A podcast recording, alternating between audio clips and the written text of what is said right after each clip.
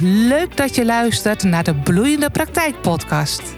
Ik ben Ingrid Beersen en in deze podcast deel ik tips voor coaches en therapeuten die verlangen naar een succesvolle en bloeiende praktijk.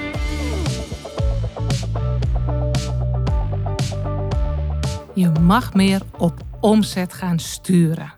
Als je een eigen praktijk hebt, dan mag je echt meer gaan kijken hoe jouw verdienmodel in elkaar zit. En ik weet, dit is misschien niet het meest slim gekozen onderwerp, eh, omdat het niet zo populair is onder coaches en therapeuten. Maar het is wel heel belangrijk als je kijkt naar wat de toekomst gaat brengen en welke verplichte kosten je eigenlijk door het komende of door dit kabinet ook nog op je dak krijgt. Dus deze podcast is niet om je ongerust te maken, maar wel om je bewust te maken.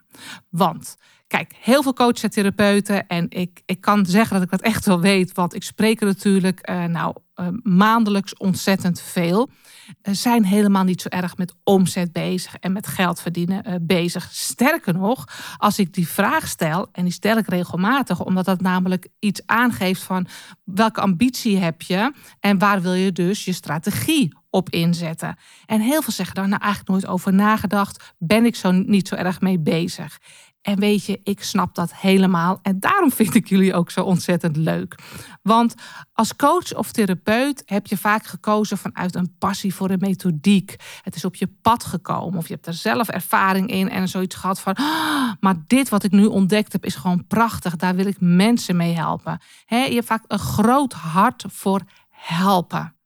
Maar je bent nou eenmaal ook ondernemer. En juist omdat je dat helpen zo tof vindt, uh, waarschijnlijk ook vanuit je eigen visie en op je eigen voorwaarden, mag, nee, moet je er ook voor zorgen dat je goed voor jezelf zorgt, voor je bedrijf.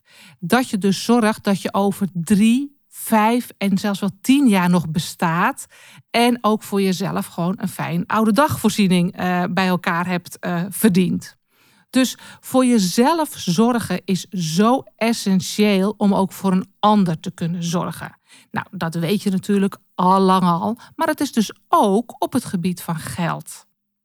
Je kunt nu eenmaal niet met een hele beperkte marge en met heel weinig buffer een goed bedrijf neerzetten en staande houden. Er komt namelijk best veel op je af. Misschien kon dat een jaar of tien of vijftien geleden nog net wel. En misschien zeg jij al van, nou, voor mij geldt dat ook. Want um, uh, ja, mijn partner die uh, verdient genoeg. Ja, en dan wil ik echt al uh, zeggen tegen je, tof, super, fijn. Wat een fijne luxe. Maar alsjeblieft, zorg dat je zelf ook financieel onafhankelijk bent. Al is het alleen maar, maar dat is mijn persoonlijke visie hoor, als voorbeeld voor je eigen kinderen. Ik doe dat echt ook. Zorg dat ik gewoon een goed bedrijf heb als voorbeeld voor mijn kinderen en nog net even meer voor mijn dochter. Want ik zie dat heel veel vrouwen, ik geloof zelf dat uit onderzoek ook blijkt, in Nederland nog echt niet financieel afhankelijk zijn. En er zitten allemaal redenen voor, of redenen die we zelf bedenken. Uh, maar ik ben er echt van overtuigd dat het gewoon kan. En dat dat zorgt dat je gewoon, wat er ook gebeurt. Mijn man die heeft, het is nu al vier, vijf jaar geleden, een hersenbloeding gehad oh, wat word je dan uh, wakker geschud. Het zou zomaar kunnen zijn. Het is gelukkig goed gekomen hoor. Hij is echt supergoed hersteld. Take voor 90% Dus hij is ook gewoon weer aan het werk. Maar ik wist heel goed in het jaar dat hij aan het herstellen was, dat duurde echt wel een jaar, dat het zo zou kunnen zijn dat ik degene was die uh, in mijn eentje hoofdkostwinnaar moest zijn. Wij zijn nu echt beide gelijkwaardig eh, in eh, wat we, wat we eh, bijdragen aan het, aan het huishouden. ondertussen verdien ik wel, nu wel veel meer. Maar ik bedoel, wat we gewoon in het huishouden doen en, en dergelijke zijn we ook heel gelijkwaardig. Maar het had zomaar een hele andere kant op kunnen gaan. En weet je, en, en heb ook toevallig al twee keer bij een bedrijf gewerkt wat failliet ging. En ik heb me er nooit druk om gemaakt. Onze ouders wel. Oh, weet je, dit en dat. Jullie hebben vier kinderen. Ja, natuurlijk, dat is ook niet niks. Dat is ook, hè, hoe leuk en gezellig het is, ook best wel een kostenpost. Maar ik heb me daar nooit zorgen om gemaakt. Want ik wist, of hij nou is, of ik het ben, ik ga het gewoon redden in mijn eentje.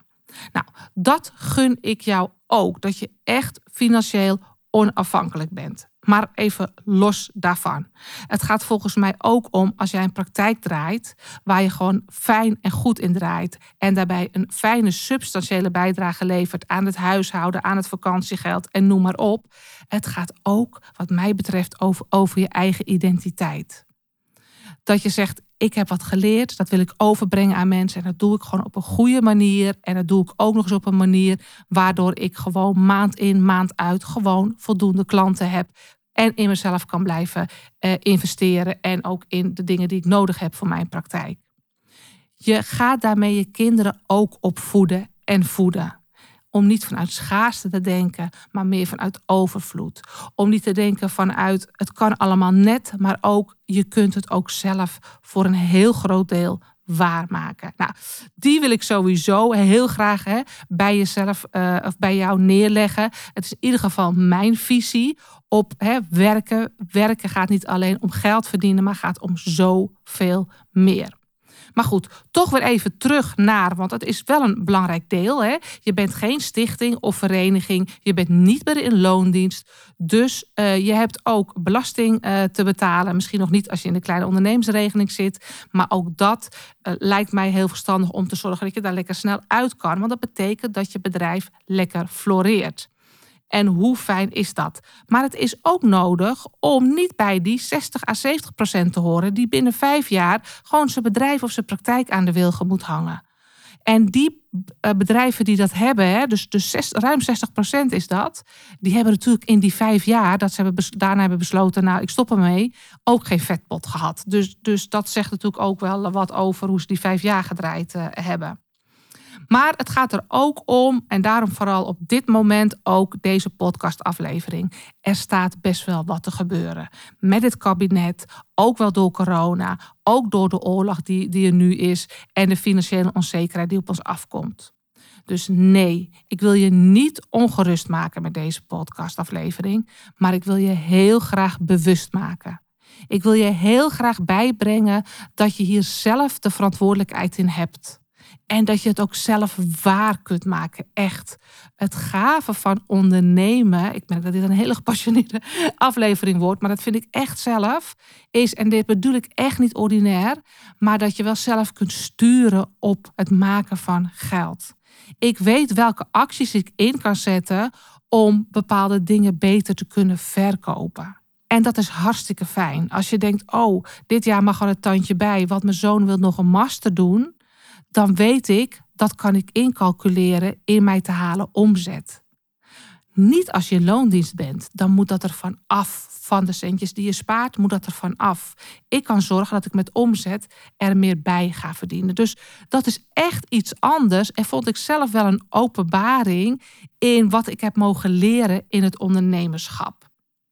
Maar het is ook nu zo. Hè. Je kunt denken van, en ik hoor er best wel veel webwinkels over. En zelf heb ik het ook iets zo gevoeld hoor. In april moet ik je zeggen. Toen uh, net die oorlog hè, in, uh, in de Oekraïne kwam. Dat mensen allemaal een beetje. Ah, wat gebeurt er? Olieprijs omhoog en alles. Nou, het was allemaal even spannend. Webwinkels weet ik, die hebben er echt veel last van gehad. Maar ook een aantal collega's. Wij hadden wat, uh, wij hadden, ik had een bijeenkomst van mijn coach. Met nog een aantal andere, ook onder andere ondernemerscoaches. Of, iemand, of een aantal van die coaches die op hetzelfde vlak zaten ook die hebben in uh, maart, april, mei wel wat gevoeld in hun omzet. Nu niet meer, maar daar is natuurlijk wel iets van een klein wurggreepje, een angst ontstaan. Um, maar dat betekent dat je dan soms moet kijken van oké, dat is misschien ook een moment. Wat doet het met mij? Heb, ik misschien ook angst? Hè? Draag ik dat misschien een beetje over? Of uh, is het ook, ook een moment om op een andere manier naar mijn aanbod te kijken? Omdat de dynamiek in de wereld en dus ook in Nederland en binnen jouw doelgroep zou kunnen veranderen. Maar dat betekent niet, ik ben daar weer behoorlijk uitgekrabbeld, kan ik zeggen. En, en het heeft mij weer wat lessen geleerd. Ook in hoe ik mezelf daarin manage. In toch wel een emotie die dan, of een angst die bij mij ook alweer even naar boven kwam. Maar uh, het helpt je ook om steeds weer naar mogelijkheden te denken. En in de tijd waarin het nu nog steeds heel wiebelig is, op financieel gebied, gebied hè, je hoort alles over inflatie en uh, stagflatie, hoorde ik laatst ook, dat het een en ander gaat stagneren. Um, nou, we zien natuurlijk die kosten, dat is natuurlijk eh, een, een, een, uh, inherent eraan, een gigantisch toenemen, maar zelfs echt tot de pijl dat ik ook wel eens denk van nou, hoe gaat een laag inkomen dit, dit redden? Dat is wat verontrustend. Maar als ondernemer ehm, mag je daar dus wendbaar in zijn. En mag je dus ook voor jezelf gaan aantrekken. Ik mag dus steviger gaan staan.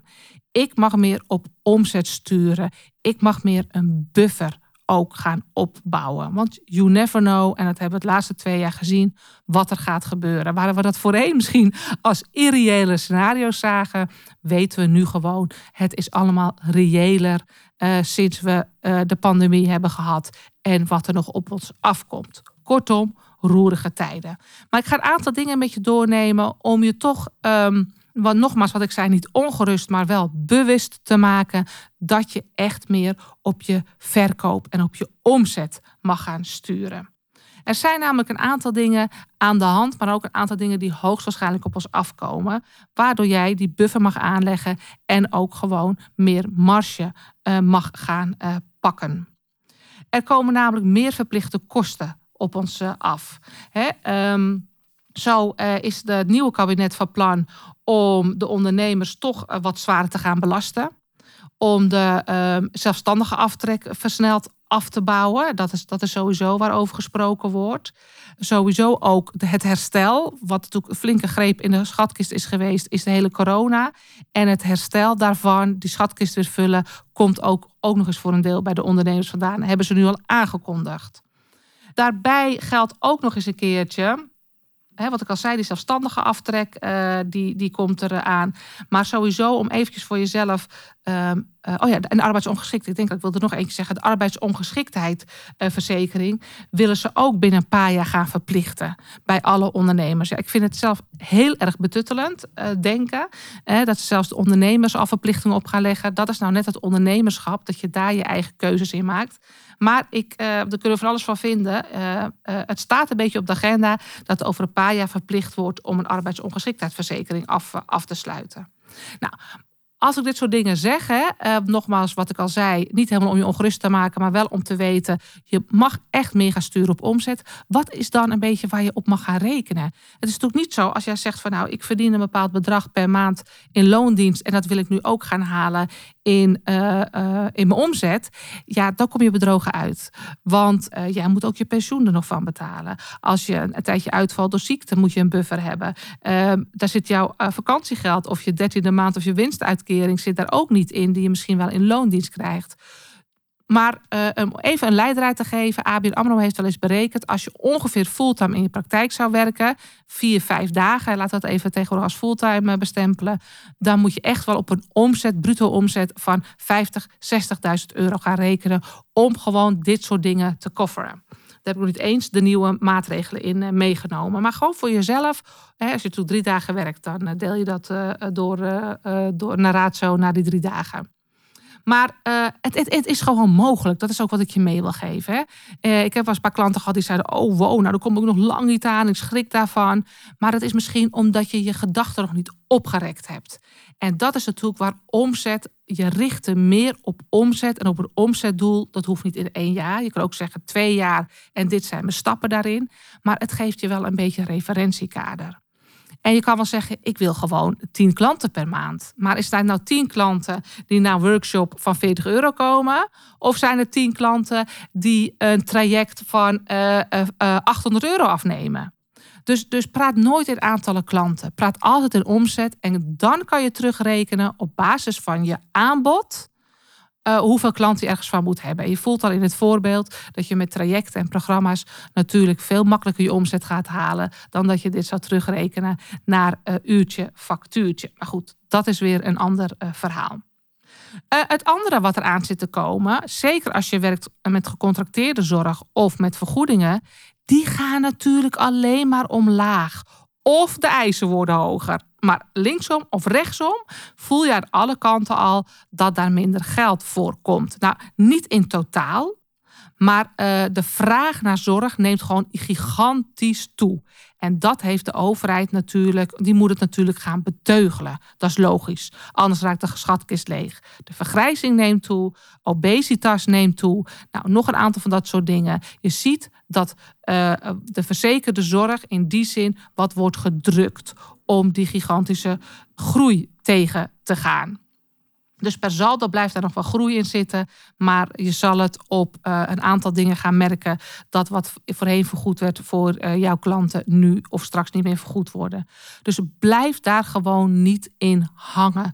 Durf je daar ook uit te worstelen. Zeker als je compleet gecontracteerd werkt, ben je eigenlijk een beetje in loondienst van die zorgverzekeraar en dus van de overheidsregels.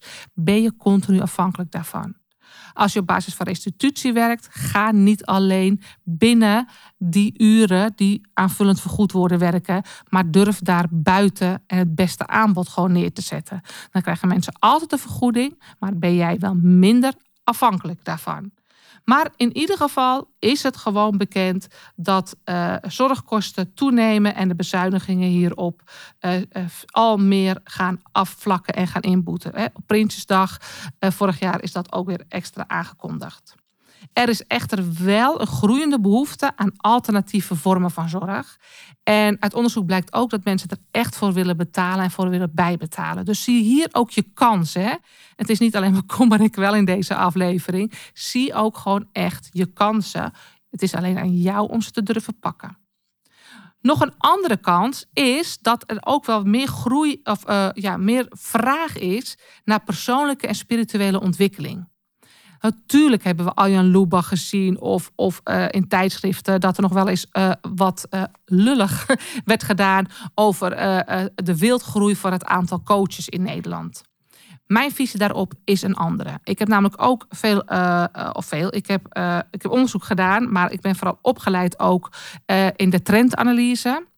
En het is niet zomaar dat er meer coaches zijn. Kijk, dat, dat het niveau van de coaches misschien hier en daar beter kan, vind ik even een andere discussie. Maar de discussie ging erover: het is alleen maar coaches wat Nederland uh, uh, uh, heeft en wat een onzin allemaal.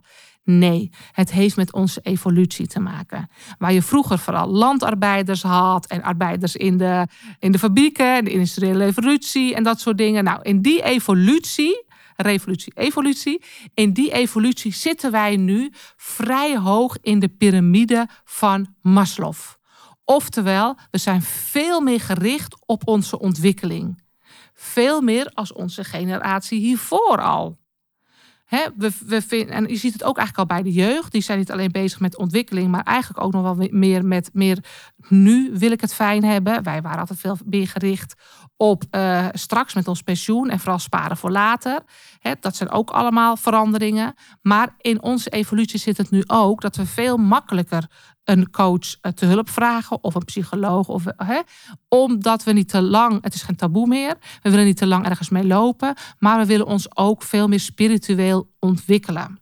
Dus uh, voor de spirituele coaches onder ons, maar ook de coaches die gericht zijn op persoonlijke groei, wees niet bang dat het aanbod toeneemt, want de vraag neemt ook enorm toe. Een andere kans die er is, is dat bedrijven veel meer inzetten op vitaliteits- en ontwikkelbudgetten. Zeker ingegeven door corona. A, werd veel duidelijker blootgelegd dat, uh, nou ja, wat te dik zijn, uh, uh, je niet goed voor jezelf zorgen, dat dat eigenlijk een voedingsbodem was voor corona. Nou, ik ga er niet te veel op in, want daar, daar kunnen we een discussie zitten van meningen. Maar. Um, nou, toch denk ik dat heel veel mensen wel gedacht hebben: oh ja, oeh, ik loop misschien iets meer risico. Uh, ik heb ook wel de kilo's wat laten komen. En door corona zijn er ook nog wel wat extra kilo's bij uh, gekomen bij deze en geen. Maar wat ook door corona is uh, gebeurd, is dat heel veel mensen mochten thuiswerken. En zeker in sectoren waar we dachten, nou, dat gaat dan nooit gebeuren. Of daar zaten veel conservatievere zeg maar, in de raad van bestuur of in de leiding. het moest wel. Dus we zijn in een versneld tempo er allemaal aan gewend geraakt. Nou, de een is wat meer voorstander dan de ander. Maar we hebben er in ieder geval allemaal aangeproefd. We zijn er meer aan gewend. En heel veel mensen eisen nu ook dat ze minimaal twee dagen bij wijze van spreken thuis kunnen werken. Dat is de ene kant. De andere kant is dat een aantal bedrijven daar ook, of organisaties, daarop heeft ook kansen zagen. Want al die panden eh, en die auto's op de weg, dat is natuurlijk ook niet altijd eh, een hele fijne kostenpost voor bedrijven. Dus bij een aantal gemeentes zie ik bijvoorbeeld al dat ze hebben gezegd: jullie mogen blijven thuiswerken. En, en ze hebben veel meer, weet je wel, uh, zelfstandig werken, meer op projectbasis. Hè. Output is belangrijker dan je uren, nou, dat soort dingen. Maar ik zie ook gemeentes, maar ook banken, die zijn hun vastgoed aan het afbouwen. Want in hun beleid komt nu dat je veel meer thuis mag werken. En een deel van dat vastgoedbudget gaat naar het vitaliteitsbudget. Om mensen duurzaam te ondersteunen in thuiswerken, in fit blijven en te zorgen dat je personeel meer aan je bindt. Dus in die vitaliteits- en ontwikkelsbudgetten zit nu veel meer geld. Doe er je voordeel mee. Dat is dus ook een ontwikkeling die er gaande is. Doordat uh, de arbeidsmarkt krapper is, ook weer een ontwikkeling. Zie je ook dat veel meer eh, ZZP'ers, zelfstandigen, eh, coachtherapeuten uit eigen praktijk nu soms neigen, zal ik toch maar in loondienst gaan.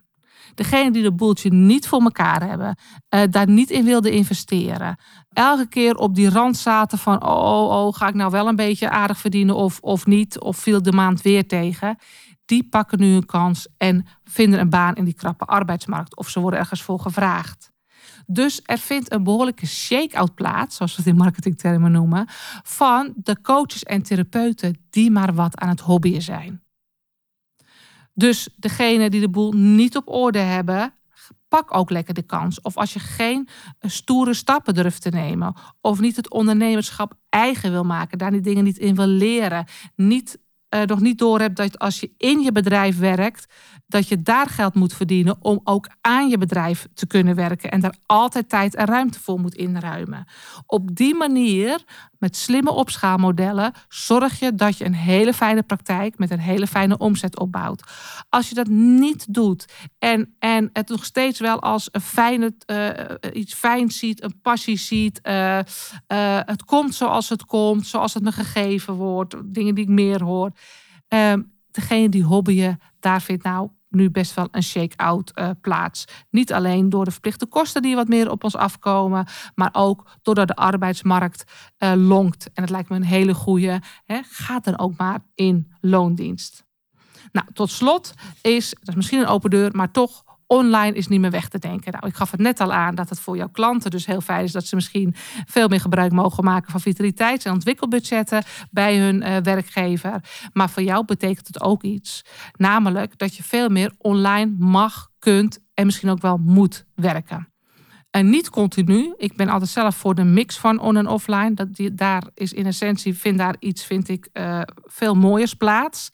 Uh, voor jezelf vaak omdat je gewoon nog echt wel in een ontmoeting blijft met mensen. Maar ook omdat online uh, ten opzichte van offline ook heel veel kansen vindt om die ontmoeting wat frequenter neer te zetten en wat korter neer te zetten. Maar ook zeker als je coach bent, online ook uh, wat meer mensen bij je kan houden.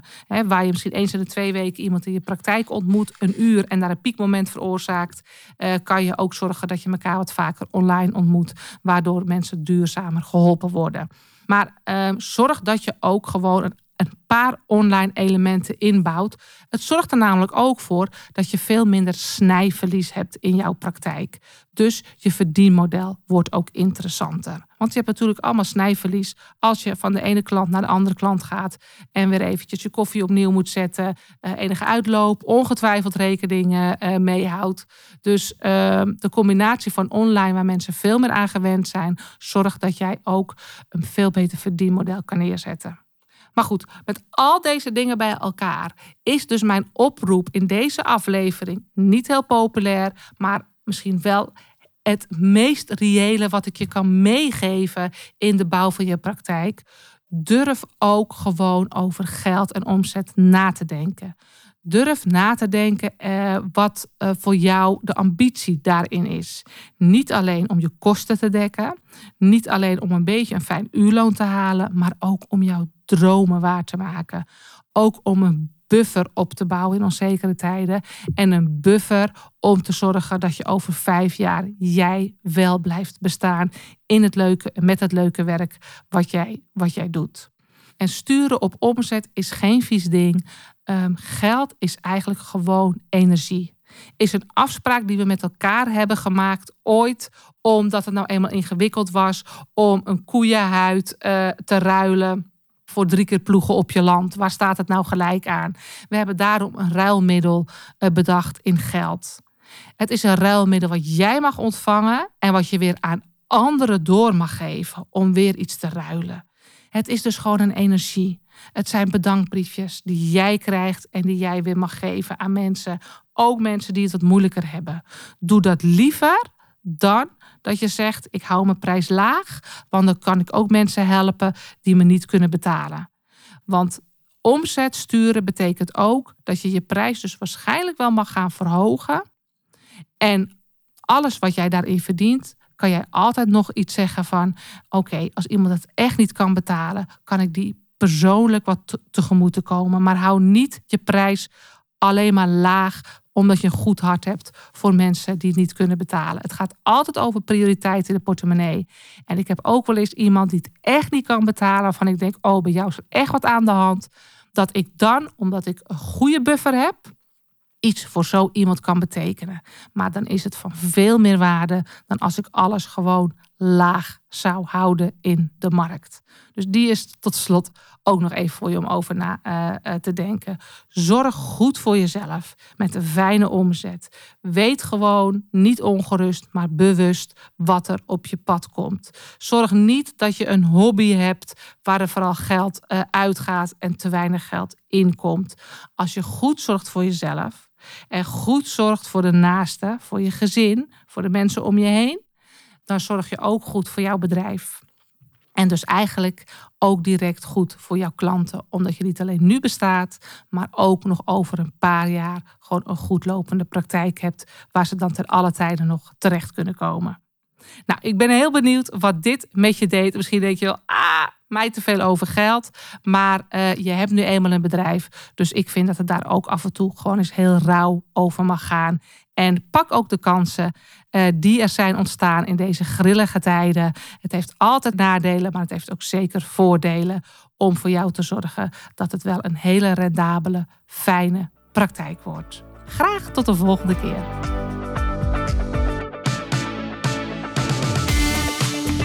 Leuk dat je hebt geluisterd. Vond je het interessant en smaakt het naar meer? Abonneer je dan op mijn podcast, zodat je op de hoogte blijft van de nieuwste afleveringen. En wil je meer informatie? Neem dan een kijkje op de website van bureaubeersen.nl.